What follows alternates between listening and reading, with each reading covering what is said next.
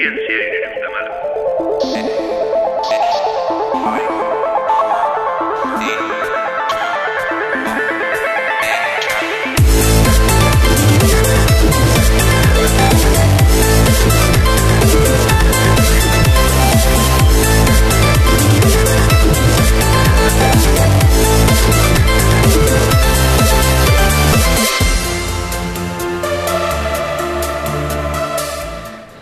Aste hau hasi dugu eh, sarean zearen eh, jakiten, bueno, sarean zearen eta beste mundu guztian ere jakiten eh, Euskaltel erosiko mm, dela, konkretuki eh, Mas Mobil sartuko dela eh, erosteko eskaintza publiko mm, batean. Eh, Gero sakanduko dugu kontu honetan, baina, bueno, e, azkenean, astean gertatu denaren artean, esan gura etzuena, izan da, izan da, hau, e, e, e, Euskadiko telekomunikazio enpresa bakarra, azkenean, e, guk hartzen, kontuan hartzen badugu, e, ezin dugu esan e, Euskaldunak diren e, Madrilen daukaterako e, bueno, aukerak e, egiteko e, kontrol guztia, orduan e, Euskadiko enpresa eta e, e, pertsona batzuentzako ere enpresa, bueno, e, kontuan hartzen dutena, ba, e, Euskaltel badirudi eskus aldatuko duela eta kasu honetan Euskadin e, kontrol gutxi izango dutela Mas mobilen eskutan geratzeko.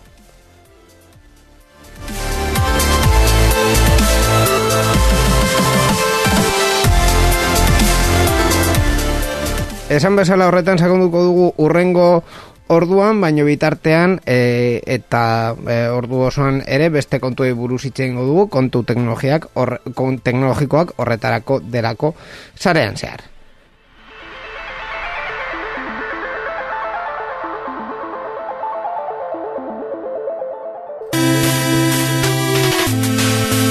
Sarean zearen parte hartu nahi duzu? Gure berriak iruzkin du? Ekitaldi bat kontatu? Gure hankasartzeak kritikatu? Erantzuna positiboa bada, bidali ezazu e-mail bat. info abildua sareanzear.eus Gure whatsappa 6 sortzi sortzi 6 sortzi 00 sortzi bederatzi da. Telegram ere daukagu, 6 sortzi sortzi 6 sortzi 00 sortzi bederatzi. Gure Twitter eta Facebookeko profiletan idatzi dezakezu ere. Eta ez ahaztu gure asteko agenda. Informazio guztia sareanzear.eus webgunean. Zuen mesuak itxaroten ari ditugu. Ah, bai? Bai.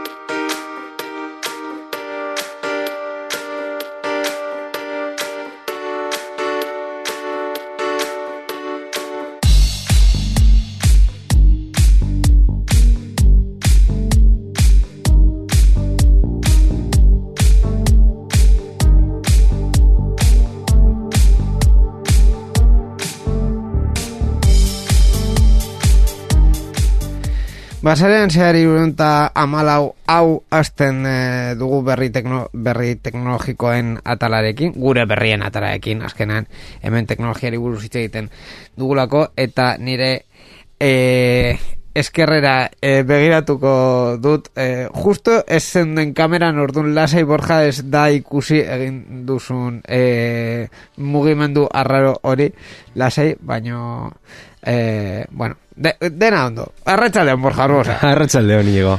E, gaur nahiko arraro hasi hasi dugu programa, e, egia esan da, ba bueno, e, prestakuntza gutxi izaten adigu gulako, e, aste santuaren erdian e, heldu zaigu programa hau, orduan, e, ni pizkat zora betutan abil, egia esan da. E, azken e, programan bezala ere, e, gaur gurekin e, inigo gure teknikari ikaslea daukagu hemen, Orduan, eh, hor dago kamera bai, hemen, hemen goian. Orduan, ja, ni lekuz kanpo eta jokos kanpo nabil, baina bueno, eh, e, gai mamitzu bat izango dugu gaur, orduan horrekin, hor, horreri etekina aterako, aterako diogu, eta izango da gure, gure gai nagusia hasieran ere komentatu dudana. Bai, lehenengo galdera eh, egin beharrezkoa, mm, ni zuri egingo dizut eta zu baita ere niri. Espero zenuen onolako zerbait eh, gertatzea. E, pasaden igandean, gauean ikusi nuen berria, e, uste dut igande, pasaden igandean zehar, e, pasaden igandean... E, Bai, ni ez bau goratzen igandearen bukaeran astelenael lehenean. Baina, Eh, bueno. hogeita sortzean, bale? E, mundu guztiako katzeko martxoaren hogeita sortzean eh, irakurri nuen, eta gainera e, laburpen guztiarekin, hau da, e, alde batetik e, berria berez, eta beste alde batetik e, beste berri bat esaten zuena Eusko Jaurlaritzak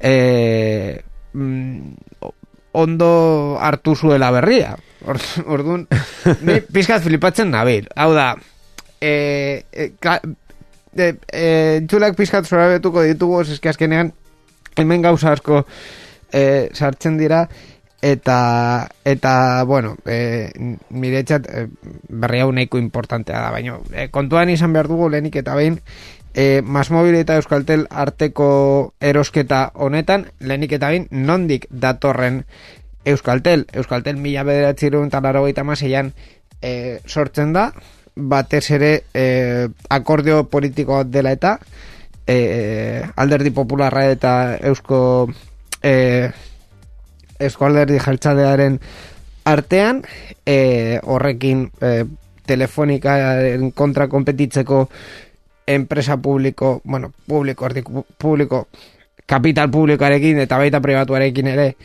e, sortzen da, eta gero urte urte batzuk e, pasata, kapital publiko hori e, saltzen da, Mhm. e, kapitalaren parte asko e, Euskadiko kutxetan geratu zen, gero kutxabanken integratzean e, kutxabank baita ere e, poterea gal, galtzen utzi zuen e, batez ere Europar batasunak esaten zietela, e, ziotelako e, inber, horrelako inbertsoiek ez zirela oso gomendagarriak. Orduan, gauza batzuekin eta besteekin e, gaurko momentura heldu gara non zegona zeukan e, e, Euskaltelen e, parte importantea. Mhm. Bai, eta uste dut ja momentu honetan e, bukatu dela Eusko Konpainia Telefonikoaren ametsa. Hala ere, esan behar dugu, e, ez nago zuzur, Mas Mobil izan zen e, guk e, konpainia atera zuenaren jabea? Bai. Masmobil gaur egun e, mm, marken e, zurrunbilo bat da. Mhm. E, alde batetik daukatelako Masmobil, e, Pepefon, Joigo, en, gauza gehiago dauzkate, e, begiratu behar ditut. E, kompainia, begiratu behar du kompainia guztien zerrenda, e, marka asko deu- dauzkatelako. E, mm, mm, mm, esango dizut, e, mm, mm, joigo, mm, mm, bai, e, ez dakit, e, ez, ez dut e, askar topatzen ari, e, uste dut ez dagoela. Ni, ni irakurri dut eh, mas mobilen mm, pata edo zati batzuk bai, bai konsideratu dezakegula euskaldunak, zeren eta Bai. enpresoien batzuk ba, eh, atera direlako eh, euskaditik.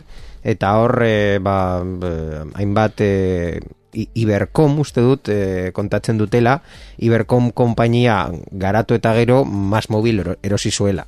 Orduan, mm, e, mas mobil ezin duzu esan euskalduna dela? Bueno, ez, ez da euskalduna, baina beren barruan dauden konpainia izen batzuk, ba, e, etorri dira e, euskaditik edo Bai. mm, oinarria daukate e, hemen euskadi. Ga- Gaur egun zazpi marka dauzkate, Masmobil joego Pepefon, Jamaia, Lebara eta e, Lika Mobile, eta baita guk.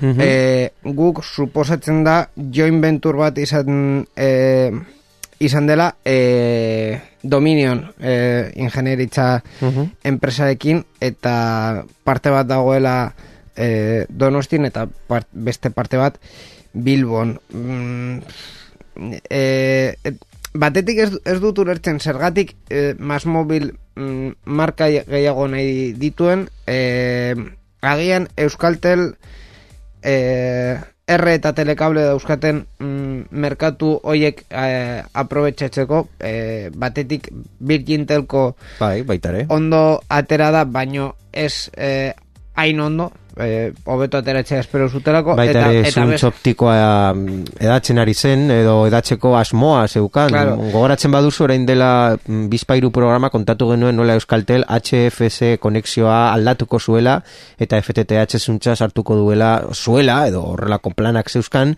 egiteko urrengo hiru urtetan. Bai, eta bestetik, e, Masmobil taldea ere guk martxan jarri du, baina ez du arrakasten dirik izan.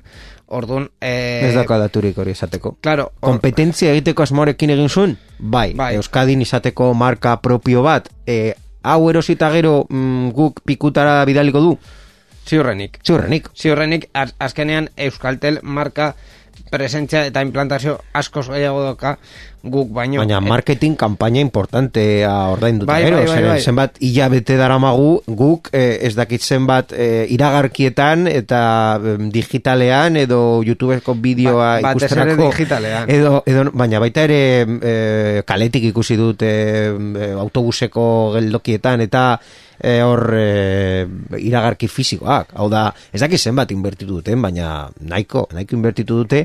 Bueno, hor- hor- hori hor geratzen da, agian marka hori zuk esan duzun bezala, ez, ez du arrakastarik izan, edo mm, i- ibilaldiaren ez dut esango erdian, baina hasieran mas mobilek esan du, ba, hemen aukera dokagu ero, mm, Euskaltel erosteko, ba, venga, jun, jun dezagun e, bidaia, bidaia saldatu. Claro, kontua da e, bere momentuan orantxekin e, komentatu genuen bezala orantxere hainbat marka, orantx taldeak hainbat marka ditu.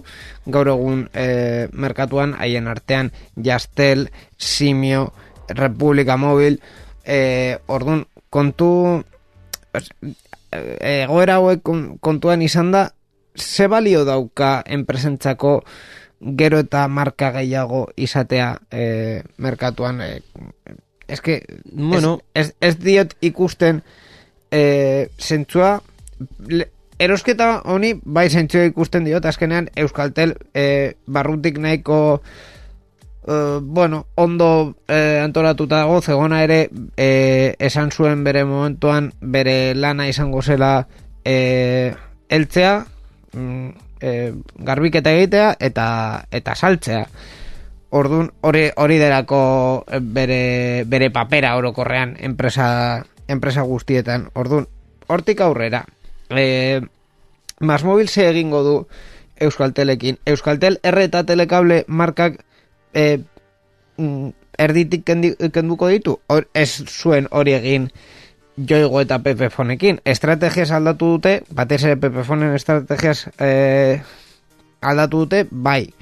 Baina markak ez dituzte, kendu. Orduan, zertarako nahi dituzu enpresa baten barruan amaika marka ezberdin. Bueno. Amaika, eh, portfolio horretan amaika marka ezberdin eh, mantentzea. Itx, itxoin momentu bat, zeren bi ideia dauzkat hemen komentatzeko. Lehenik eta behin, e, marka bat edo enpresa bat bere kompetentzia erosten duenean, normalean, hiru gauza mm, bereziki mm, bilatzen ditu. Lehenik eta behin, merkatuko handitzea, oda bezero gehiago handitzen ge- gehitzen dituzu, gero ja, bez, bezeroiek hor geratzen diren edo ez, ja, ikusiko dute nola, nola dagoen zerbitzua, le bigarren gauza bere azpiegiturak baldin badauzka, baina kasu honetan Euskaltelek ba, badauzka ordun e, azpiegiturak zureak izango dira eta hirugarrena noski kompetentzia hor e, bertan bera usten duzu mm, gutxienez pizka bat, hau da mm, marka eta enpresa asko daude esparru honetan, baina gutxienez mm, bat mm, alde batera usten duzu eta zure sa- sa- sakontzen duzu ja gehi- gehiago zure merkatua. Hori mm, mm, da mm, lortzen duzuna. Kasu honetan nahikoa izango da.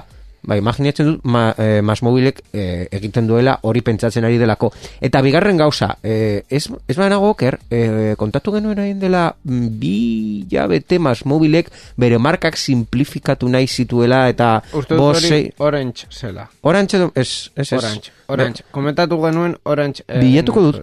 Bilatu, bilatu. Eh, dena den, eh, ba bueno, eh, eh, erdi edo eh, epe luzean eh, masmobilek egin nahi badu eh, antolaketa bat eta marka txikiak adibidez kendu eta geratu bakarrik eh, sei handiekin, sei handiak eh, kontuan Orantzen, bai, bai. o- or- hartuko ditut eh, joigo, masmobil bueno, masmobil benetan pff, marka bezeraz dakit eh, implantazio asko daukan joigo, bai, eh, 2006tik martxan dabil Eta Pepe- Pepefon. Pepefon bere momentuan arrakasta asko izan zuen eta uste dut eh, Uste dut arrakasta izaten jarraitzen duela. Jen- Horregatik ez duela suntzitu. Claro, jendeak errekonozitzen duela marka, marka hori eta gero Euskaltel eh, Berdina. Euskal, Euskaltel erre eta telekable. Hau da, e, Asturiasen, e, bueno, Asturiasen ag- agian gutxiago Galizian erre, ez dakit zenbat bezero dituen, baina batez ere e, herri eta eta kaserio txikietan eta bar e, leku askotan bakarrik heltzen da erre gaur egun. Orduan, Ba, pe, pentsa ezazu. Euskaltelek erre eta telekable erosterakoan ez zuen nahi bere, bere marka hortik kentzea. Ba, normala da. Eh, Claro. Galiziara eramatea Euskaltel, ba, bueno. Es que, Nahiko arraro izango nahiko arraro izango litzateke, baina marka bat funtzionatzen badu, zuk erosi alduzu, eta markarekin jarraitu, zergatik ez. Zer, zertarako, ze beharra Claro. daukazu funtzionatzen duen marka batekin, eta badakizu zure merkatu estudio egin aldituzun estudio guztiak, esaten badute jende eh, beren bezero askok, marka hori eh, X ira pasatzen baduzu mm, berdin da zerbitzua mm, mantentzen baduzu mm, kalitate berberan edo hobeagoan jendea ez da hor geratuko eh, marka hori ez badu ikusten. Ba hor, hor daukazu zu eh, gakoa eh, mantendu edo ez mantendu Kasu Orange eh, egia da, Or- Orange komentatu genuen amena kanporatuko zuela eta eh, beren atzean baita ere Simio edo Republika Mobil baita ere utzi eta bakarrik Orange eta Jastel marka bezala potentziatu, mas mobil egin dezake berdina? Egin dezake berdina. Amaika marka izan eta zertarako amaika marka mm, bi edo hiru gauza Claro. berberatara mm, bidal, bidaltzen badugu, baina kasu honetan ez da gauza berbera, zeren zerbitzu egian berbera da, prezioak dira berdinak, baina gauza territorio ezberdinetan murgiltzen badira, agian eh, eh, esan dugun bezala, Galiziar batek ez du eh, Euskaltel erosiko errez bada.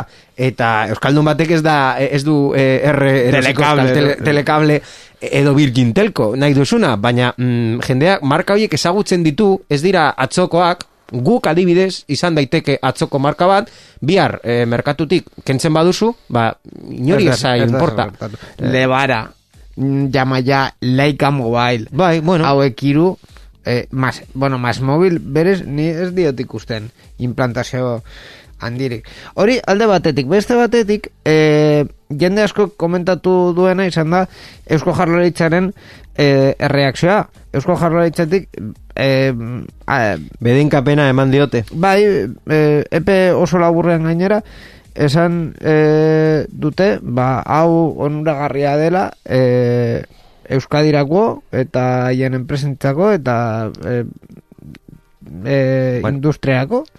Azaldu behar da, eh, mas, mas mobil egin duena da opa bat, hau da, eh, erosteko eskaintza publiko bat, Bai. eh, erosteko asmoarekin, eta eh, onuragarriz edo eh, modu amistoso batean.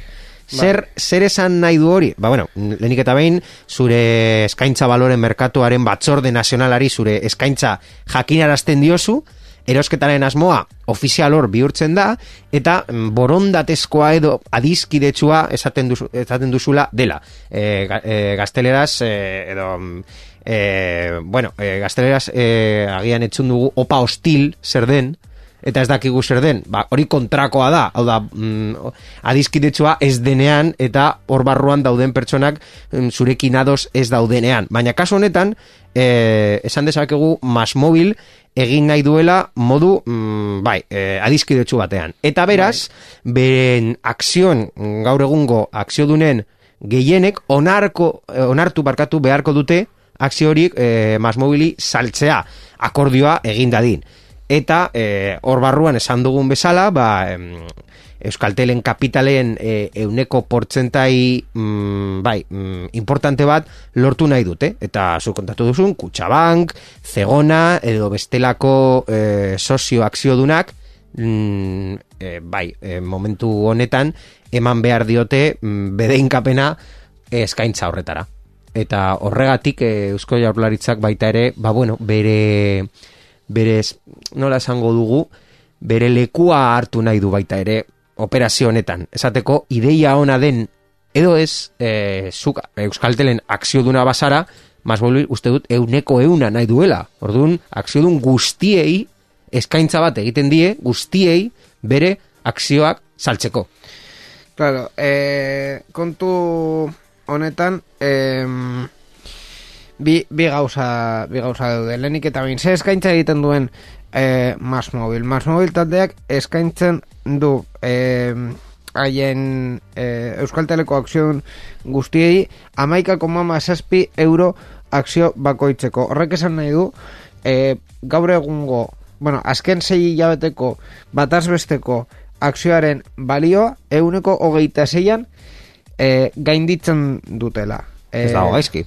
Hor- Hori alde batetik. E, ordun e, al, e, kontu honetan hiru handienak e, Zegona, Kutxabank eta Alba taldeak haien e, parte hartzearen euneko haien parte hartzearen balioaren euneko hogeita sei gehiago eramango e, dituzte.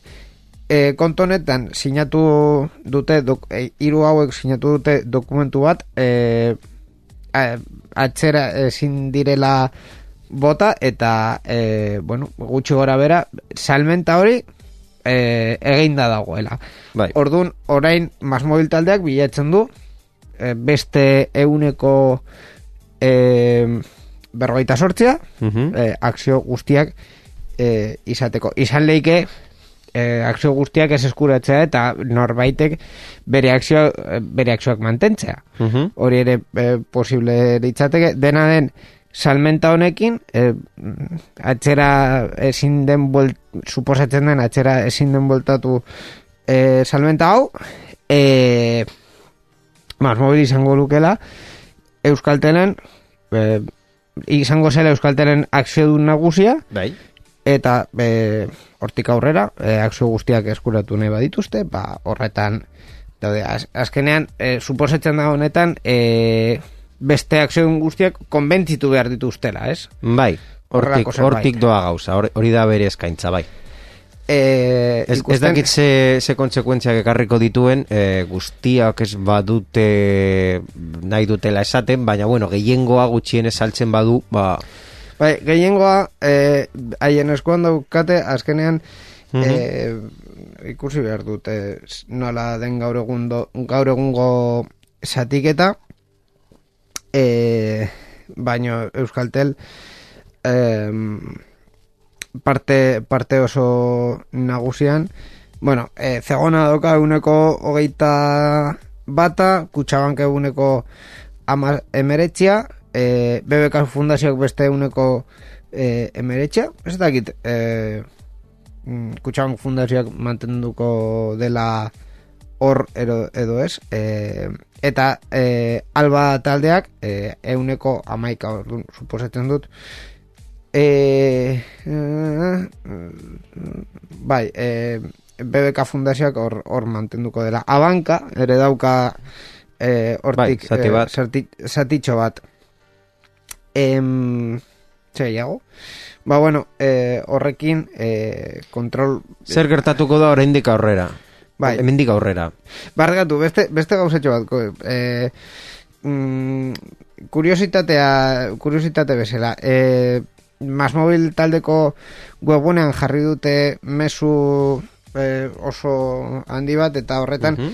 ikusi alda ze e, mezu e, ze iragarki e, bidali dioten e, merkatu, merkatu baloren merkatuaren komisio nazionalari Mhm. eta haien artean ikusi dezakezu eh, Mas nor- mobilen web orrialde korporatiboan, imaginatzen bai, bai, dut, ez? Mas mobil talde, mas mobil taldearen webgunean. Eh, eskaintza egiten duena, Kaixo Telekom da, eh, egoitza Bai, eh, donostin daukana, baina aldi berean, enpresa hori euneko eunean mas mobil du bere kontrolpean, bai. eta eh, aldi berean euneko eunean mas mobil lorkat, Telekom Bizko enpresa baten menpean dago. Mhm. Eta horretan jarraitzen du horri oso batean esanez Bidko noiz- Lorca Holdco Limited. No- nor eh, eh, parte hartzen duen eta a su vez participa por Lorca JVCco Bai, bai. JVCo Limited. Bai, bai. Eh, Eh, Euskaltelen a- ni- ni- akziodunak asko zerrezagoak dira hau baino. Go, go, gogoratzen dut, eh, Akinoa Ikimibaren parte- episodio bat, da, badakizu non den eh, kopinsa, eh, akzio da, zifosa, ba, ba, baina zu ez da koprosa, eta beste koprosa, eta, bueno, holding bat da, Ba, eske horrelako horrelako txiste bat, horrelako egiturak eh, kopinsaren jabea da kopronsa, baina kopronsaren jabea da koprosa, baina koprosaren jabea da zifosa. Ai, ama. Ba, ga, gainera dokumentu honetan jartzen dute argi, zegona euneko Mhm. goita bat daukala, ekutsabank euneko meretzia, eta BBK Fundazioaren beste euneko meretzia aparte geratu da, vale? Orduan, orain konbentzitu behar diote BBK Fundazioari, eh, haien etekineak eh, utzi nahi dituztela, eta eta saldu behar dutela eh, bueno, participazio hauek. Ehm, Bueno, eta ja kuriositatea kontatu eta gero. A ber, ja, Ez, ez, barkatu, barkatu, barkatu. Dokumentu honetan beste gauza oso interesgarriak agertzen dira. Ni, ni i- irakurtzen nahi nuen, condiciones para la efectividad de la oferta. Ah, Kom kompromisos, kompromesuak. Hemen, apartado honetan, gauza oso interesgarriak daude, adibidez, ere bat ez dutela egingo Euskaltelen, urrengo bost urtetan, e, mm, em, lehenengo postuan jarriko dutela bost G sarea e, mm, sakabanatzea Euskadin, baita FTTH despliege hori e, aurrera eramatea, komentatu Mhm. genuena bere momentu, bere momentuan, e, eta e, mm, baita ere Euskaltelek e, buruan edo, bueno, pentsatzen zuten e, kontu bat dela e, espiegituraren satia banatzea eta beste enpresan e, sartzea e,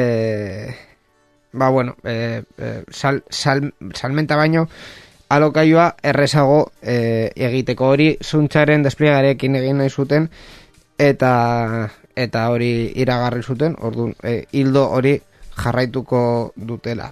Beste kontu bat dago honetan Euskaltel Fundazioarekin zer gertatuko da claro e, Euskaltel Fundazioak ba, alde batetik e, kirolan presentza asko daukalako e, mhm. a- adibidez futbol taldeetan edo e, txirrindularitzan baino beste partetik ere e, teknologien arloan e, Euskal Presentzia- Enkonterra... presentzia asko daukate bar. Encounter e, ekitaldiekin baina baita ere ekimen beste ekimen batzuk egiten dute e, ba bueno e, enpresa edo kolektibo batzuk e, sustatzen edo bueno, hain, hainbat e, Euskaltel Fundazioak egiten dituen hainbat ekimenekin zer gertatuko da hor, Mm. horrekin Hori ez dakigu, baina bai dakiguna eta kontatu dezakeguna zen hor pendiente utzi dugu e, eskaintza honetan dagoen datu importante bat. Eskaintzaren eraginkortasuna baldintza honi lotuta dago. Baloren titular eh, eskaintza onartzea gutxienez euneko irurogeita mabos batean. Hau da, gutxienez, e, akziodunen euneko irurogeita mabos bat baiet esan behar du eskaintza hau e, balio hartzeko. Hau da, euneko euna nahi dute, baina gutxiengo hartu nahi dutena, edo hartu behar dutena, irurogeita mabos da. Claro, kontu honetan daukazu, alde batetik esan duguna BBK Fundazioak euneko hogeia daukala bere eskutan, orduan BBK Fundazioak mm, blokeoren bat egin dezake agian abanka konbentzitzen baino beste inbertsore bat sartu behar dute bere, bere taldean blokeo hori e, aurrera eramateko Ez- eta, ez dut ikusten. eta hemen daude e, azkenean mm, dirua importa zaien enpresa asko, adibidez Capital Group Companies, Capital Income Builder Ba. edo e, tipo bat deitzen dela Juan Carlos Escotet Rodríguez. Bueno, Venezuelako garena, orduan, ez dakit, e, bide horretatik, egia esan da, e, interes eh, politikoa egongo balitz, Bai, ba, da- badaude bat, bi, hiru, lau, bost, sei akziodun pertsona e, euneko bost bat daukatenak, eta mm, sei akziodun horiek ba, juntatzen badituzu, agian euneko geita bostera altzen zara, eta horiek e, ba, ados jartzen, ez direra mm, eun- euneko iruro geita hori lortzen, baina, baina egia, egia esan da eh, borondate politikoa egongo bazen iraganean eh, Euskaltel hemen mantentzeko eh, bukatu da? buka, bai, azkenean bukatu da kutsabanki esan al, alko zietelako, bueno, hau edo e, BBK fundazioari edo Vital fundazioari, ez dakit, edo Kutsa fundazioari pasatzen diozu, baino saldu. Eta azkenean hartu duten e, bidea izan da saltzearen bidea. Hori e, mm, peskat inoz izan gaitezke, baino hori e, mm, aukera politiko bat izan da. Kutsabanken e, politika pisu asko izaten jarritzen duelako. Mhm. Uste dut, eh, ez dut sekreturen bat Ba, kon- ba, kontatu, baina sekreturen bat kontatu badut, ba, bueno, hor daukazue sekretua, ez dakit. Ba, espero dugu orduan eh, pandemia bukatzerakoan guztiok bueltatzera mas mobilen konterrera. Hori, hori esan, esan dute talde bat baino gehiagon. Deitu aldi osoen mas mobilen konterra, Ni, nik ez dut ez zait importa egiten bada. Na, ez, a ber, azkenean Euskal Encounter deit, ez zen deitzen Euskaltel Bai, baina, bueno, txistea egite- jarri, jarri zudelako.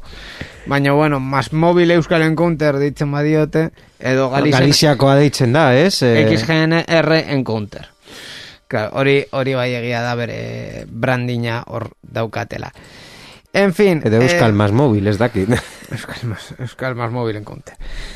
Eh, ni, nire eh, ardura edo nire kezka azkenean hori da, zer egingo duten Euskaltel Fundazioarekin. Mhm. Beste guztia, bueno... Eh, Etorkizuna esango digu. Bai, eh, beste guztia pena izango litzateke, baina azkenean hau eh, business eh, da. eh, eta, Business, it's business. Eh, Money is king.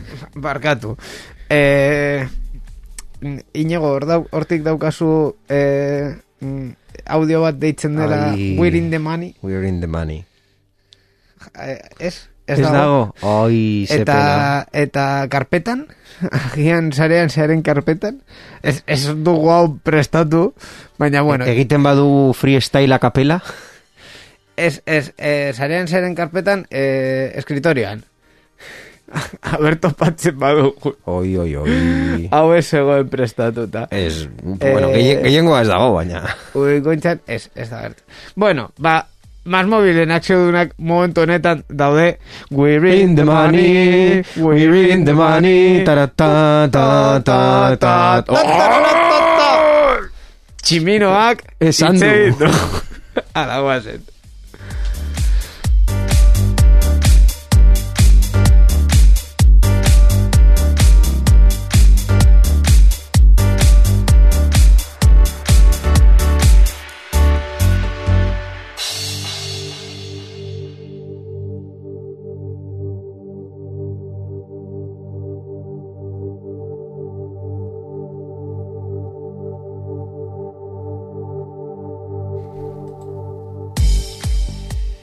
Borja, txarra nago.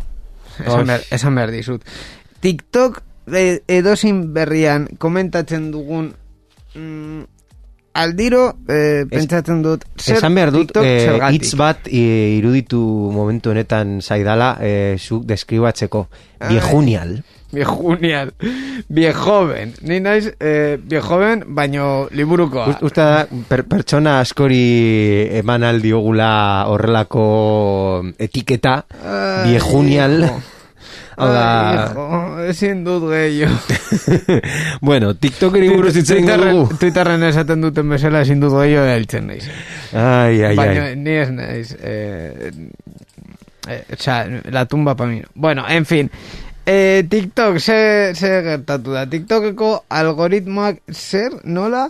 Amerikako estatu batueko eskuin muturreko kontuen alde egiten du. Oh, ze sorpresa! Baia! Sare sozial baten algoritmoak mut, eskuin muturreko kontuen alde egitea. Ez da inoiz gertatu. Ez da inoiz gertatu ere adimen artifizial bat martxan jartzea eta bapatean erabiltzaileen interesoak kontuan hartukta e, machista eta misoginoa voltatzea. Ba, e, hau ez da gertatu inoiz, eh, ez. Bueno, Media Matters for America edabideei buruzko ikerketak egiten dituen erakundeak egindako azterketa baten arabera TikTokeko algoritmoa 3%er QAnon Patriot Party eta Oathkeeper eskuin muturreko erakundeen edukia zabaltzen laguntzen ari dira. Txetxo pretxa, baia, ez genuen, espero. Sare sozialak debekatu egiten du erakunde horien edukia, baina ikerketak egiaztatu duenez, erabiltzaile batek sareko kontuen gomendioi jarraituz gero, erakunde horietako bat aurkitu du eta horietako bati jarraitza erabakitzen badu, eskuin muturreko gainerako kontuei jarraitzeko iradokizunak jasoko ditu. Erakundeak e, oiko sei patroi aurkitu ditu eta hoien bidez TikTokek edukia erakutsi eta kontu baten edo batzuen jarraipena egiteko iradokizunak egiten ditu. Orduan ja, e, bertatik jakinarazi dutenez, horiek erakusteko prozesua zuretzat erlaitzean hasten da. Sare sozialak erabiltzailearen txat gomendatutako edukiak erakusten ditu, ber algoritma baliatuz, erabiltzailea jarraitzen dituen kontuak eta horrek ikustako edukiak abia puntu gisa hartuta. Erakunde baten edo gehiagoren edukia dago bertan eta erabiltzaileak bati jarraitzea erabakiz gero, bestegi jarraitzeko gomendioa egingo dio. Orduan, ikerketak ondorio estatu duenez oso erraz jara daitezke muturreko ultra eskuindarren kontuak eta edukiak erabiltzaileen esku eta horien gero eta eduki gehiago eskain. En fin, eh, sare sozial guztietan. Eh, Baina hori algoritmoak, hori ez da TikToken hor barruan lan dagoen jendea, baizik eta mm, makinak, Bai, bai, baina- makinen gauzak baina egiten. algoritmoak- Makinak ez dira politikoak, makinak Ja, ja, bakarrik ja. dira teknologikoak. Baina, makinak bai badakite, batez ere horretarako programatzen... Makinak ez dute boskatzen. Bai, baina... Gutxienez- Ma, a ver, Borja, Borja, Nahita. Borja, Borja, Borja, Borja. Makina bati, esaten badiogu, eduki bat eskaintzea gero eta ezagunagoa denean, e, mm, gero eta eduki polemikoagoak e, sortuko Bai. ditu. Eta azkenean, gaur egun egoer, egoera politikoan, e, osea, daukagun egoera politikoan, e, polemika gehien sortzen dituzten berriak eta iruzkinak e, eskuin muturrekoak dira. Mm, izan daiteke. Orduan, hortik aurrera, hau da, e, Donald Trump eta Bolsonaro hor egon dira, eta hor daude, e, kontu batzuk direla eta ha- haien diskurtsoa eta haien hitzak e, polemikoak direla, direlako, ez daukate eduki gehiagi, baina polemikoak dira. Orduan, o- Eno, zu zeure kabuz ah, bilatu eta aurkitu duzu nola funtzionatzen duen eh, sare sozialen algoritmo polemikoak eta clickbait eginez lortu duzu zure eh, bizitak eh, igotzea. Orduan, ze kontxo kontatuko dugu ja, Ah, eh, jadanik ah, ah, ah, begira, begira. algoritmo hori nola funtzionatzen duen.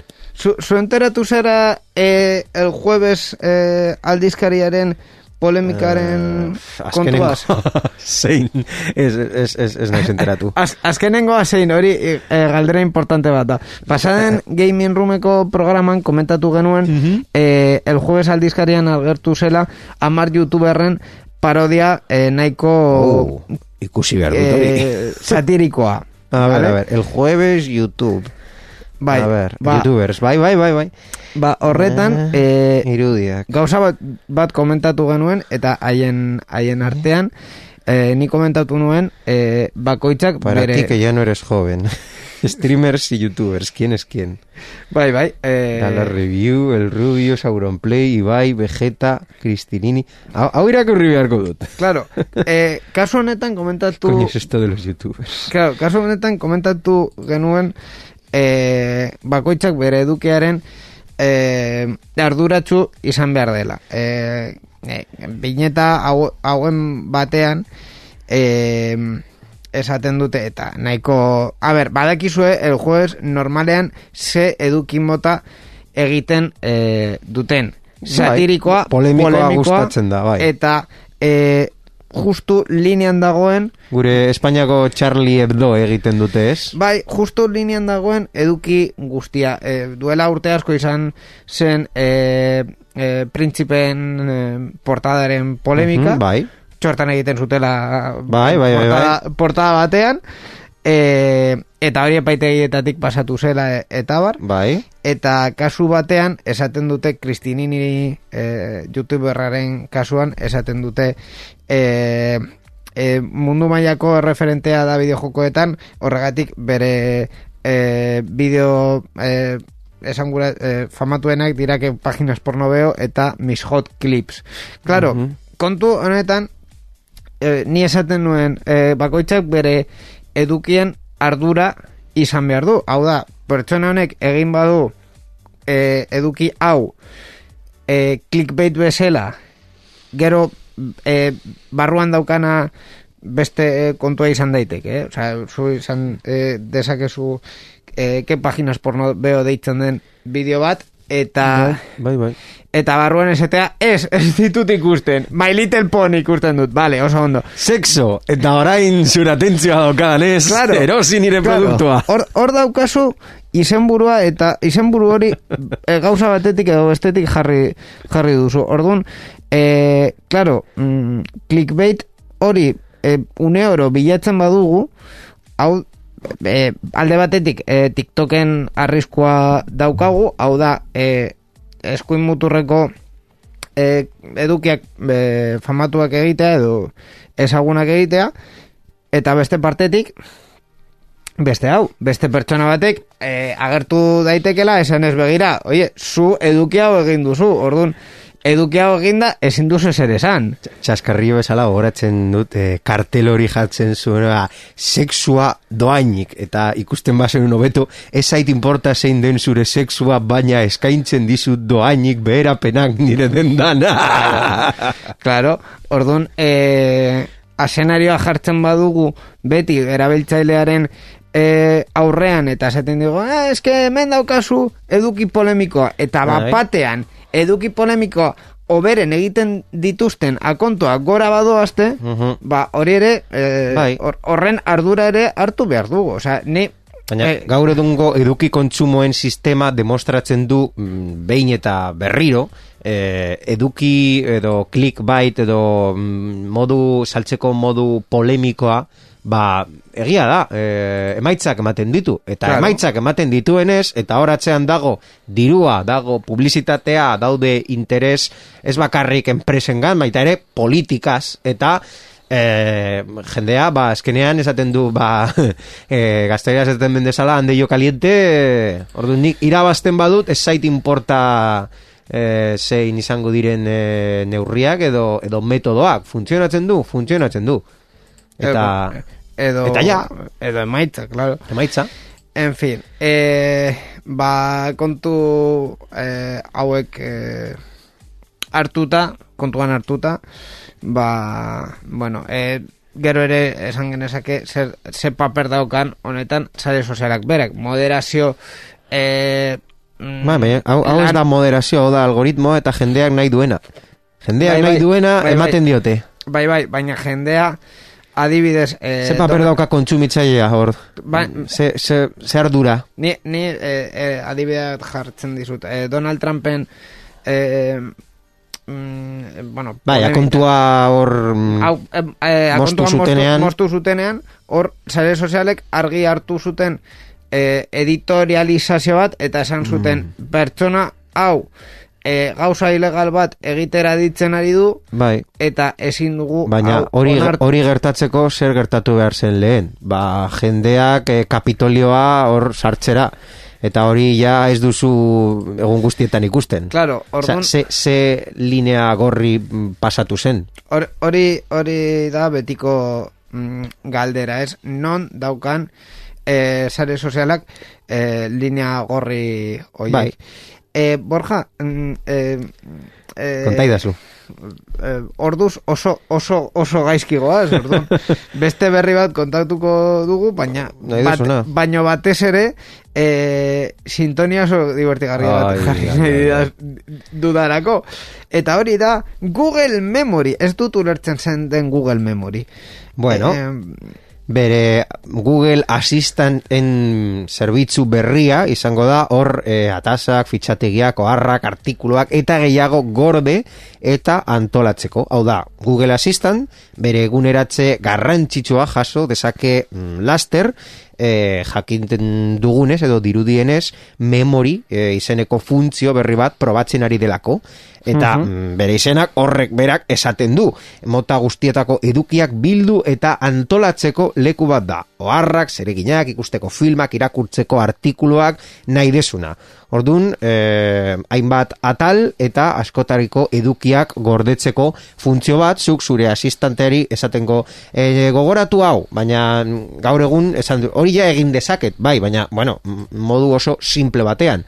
Gaur egun zure Google'i esaten badiozu, gogoratu eh, bihar deitzeko eh, edo norri, edo gogoratu bihar egiteko edo zer. Ba, gogoratzen du notatxo bat, oso, oso txikia, oso simplea, eta eh, esaten diozun momentua zure mugikorrari heltzen zaio notifikazio bat eduki horrekin. Ba, mm, sistema hori potentziatzeko eta eduki gehiago edo aukera gehiago emateko Googleek memory hori prestatzen ari da. Badekizun nor, eh, nor jarri den jeloskor? Oi. Badakizu, ez da? Ja! Horraino. ba, bai, e, egia da automatikoki ez duela egiten gaur egun et, et, et, ez dagoela e, automatismo hori ez Googleen ez e, Alejandran ez beste askotan ja Siri buruz ez, ez dugu itxegingo hau ja e, Eta egia da, beste hori sortzi segundu baino gehiago jartzen badituzu Twitch edo YouTube. Bueno, eh, Lady Gagarekin esain beste, baina Village People jartzen badugu Ui, Village pikuta People. dagoaz. Agian kantatu dezakegu, baina... Sí, ikusi bindola, ja, korta, korta, Ja, ja, korta. ja. Baina, eske, eske txa onaino da. Eta hau guztia esan da, beste berri guztiak Ai. eh, alde batera utziko ditugu, eta goaz zuzenean dibertxo gehiago jasartzera programa honetan titulorarekin. Titulol. Gaur gure ikasleak oso ondo jarraitzen ari ditu nire nire e, gidak eta nire seinaleak eta guzti oso e, oso gustora sentitzen ari naiz bere, bere eskutan, orduan oso ondo. Eta zure eskutan jarriko naiz borja momentu honetan, titulol honetan zure e, bueno, zure e, berri hori, berri berezi hori jakiteko e, ez dakit ze, ze aukeratu duzu, komentatuko didazu. Ba, bueno, eh, aste honetan robotikara saltuko sartuko gara, inigo, Mars Wrigley, Mars Snickers edo Emanems bezalako txokolatinen atzean dagoen konpainiak produktu berri bat duelako, eta ez, ez da txokolatina bat. E, hau, hauek dira, Cadbury uste dut, e, nola ditzen dira orain, Mars eta hoiek egiten? Ideiarik, bez, marka hor dago. Baina, bueno, txokolatina fabrikatzen duen enpresa, e, bere produktu be- berria e, kanporatu du, eta ez da txokolatina bat, baizik eta robot bat da. Smiley deitzen da, eta supermerkatuetan ibiltzen da, kontsumitzaileekin elkar eragin nahian, haien txokolatinak eros ditzaten. Osea, zu imaginatu supermerkatuan zagoela hor, hor e, erosten, eta zure atxetik errobot bat doala, ei, ei, kaixo! Baina, horretaz gain... Eros, erosi nire txokolatina, erosi Mars, erosi Mars. Baina horretaz gain beste funtzio bat ere badu, dendan erosteko lehentasunei buruzko datuak biltzea. Robota New Yorkeko denda batean jarri dute martxan, proba Bai. pilotu gisa, e, ShopRite denda bat da, eta aurretik mm, orga bereziak ere izan dituzte. Denda barruan robota txokolatinez beteta doa, eta kontsumitzaileek erosketa oldarkorra egin dezaten, berak horiekin elkarrera egiten duen bitartean. Orduan, e, bere, robota bere gauzak egiten ari da, zuen datuak eta estatistikak eta zure e, erosketaren preferentziak biltzen ditu, baina bitartean txokolatina bat erosi ba- nahi baduzu, ba, hobetu. Begira, ba, erabil...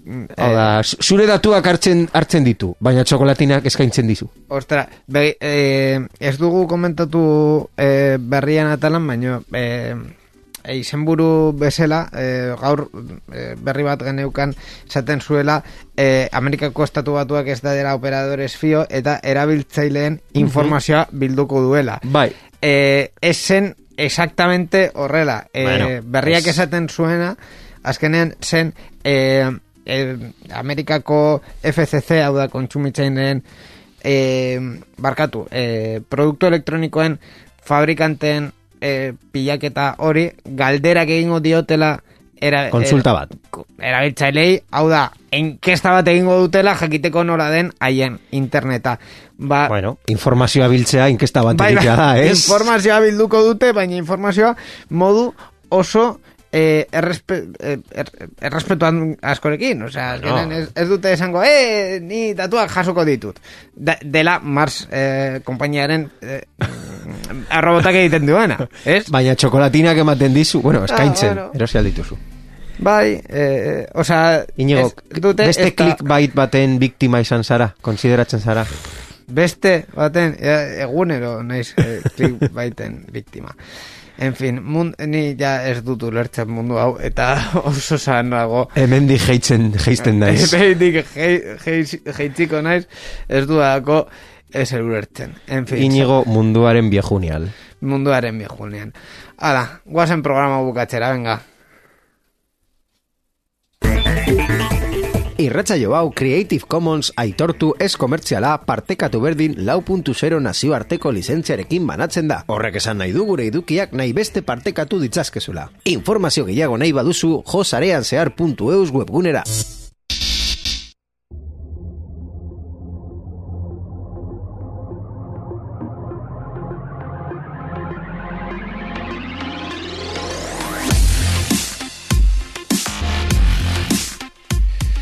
Ba, nahi aldu da zarean zehar irureun eta malau izan eh, den hau, eh, eskerrik asko borja berri hain mamitsu hauek eh, kartxeagatik. Kasu honetan, Masmobil eta Euskaltel nahiko erraz utzi dizute lana. Bai, hori Berri honekin nahiko. Eh, eskerrik asko eta bidazte barru, berri hemen topatuko eh, gara. Bai, eskerrik asko inigo eta entzule guztioi urrengo programan arte. Baita gure soinu eta bideo mailan egon den e, inigo teknikaria ere eskerrik asko zure lanagatik. Ikasten zabiz, baina e, lana ere oso ondo egiten ari duzu. Eta hori ere esan behar da. Eta baita Mikel Carmonari berrikuspen teknikoan eta ekoizpenean dagoena. Eta baita irratian, irratietan dauden teknikari eta ekoizpen talde e, guztiei eskerrik asko gure emisioa posible egiteagatik.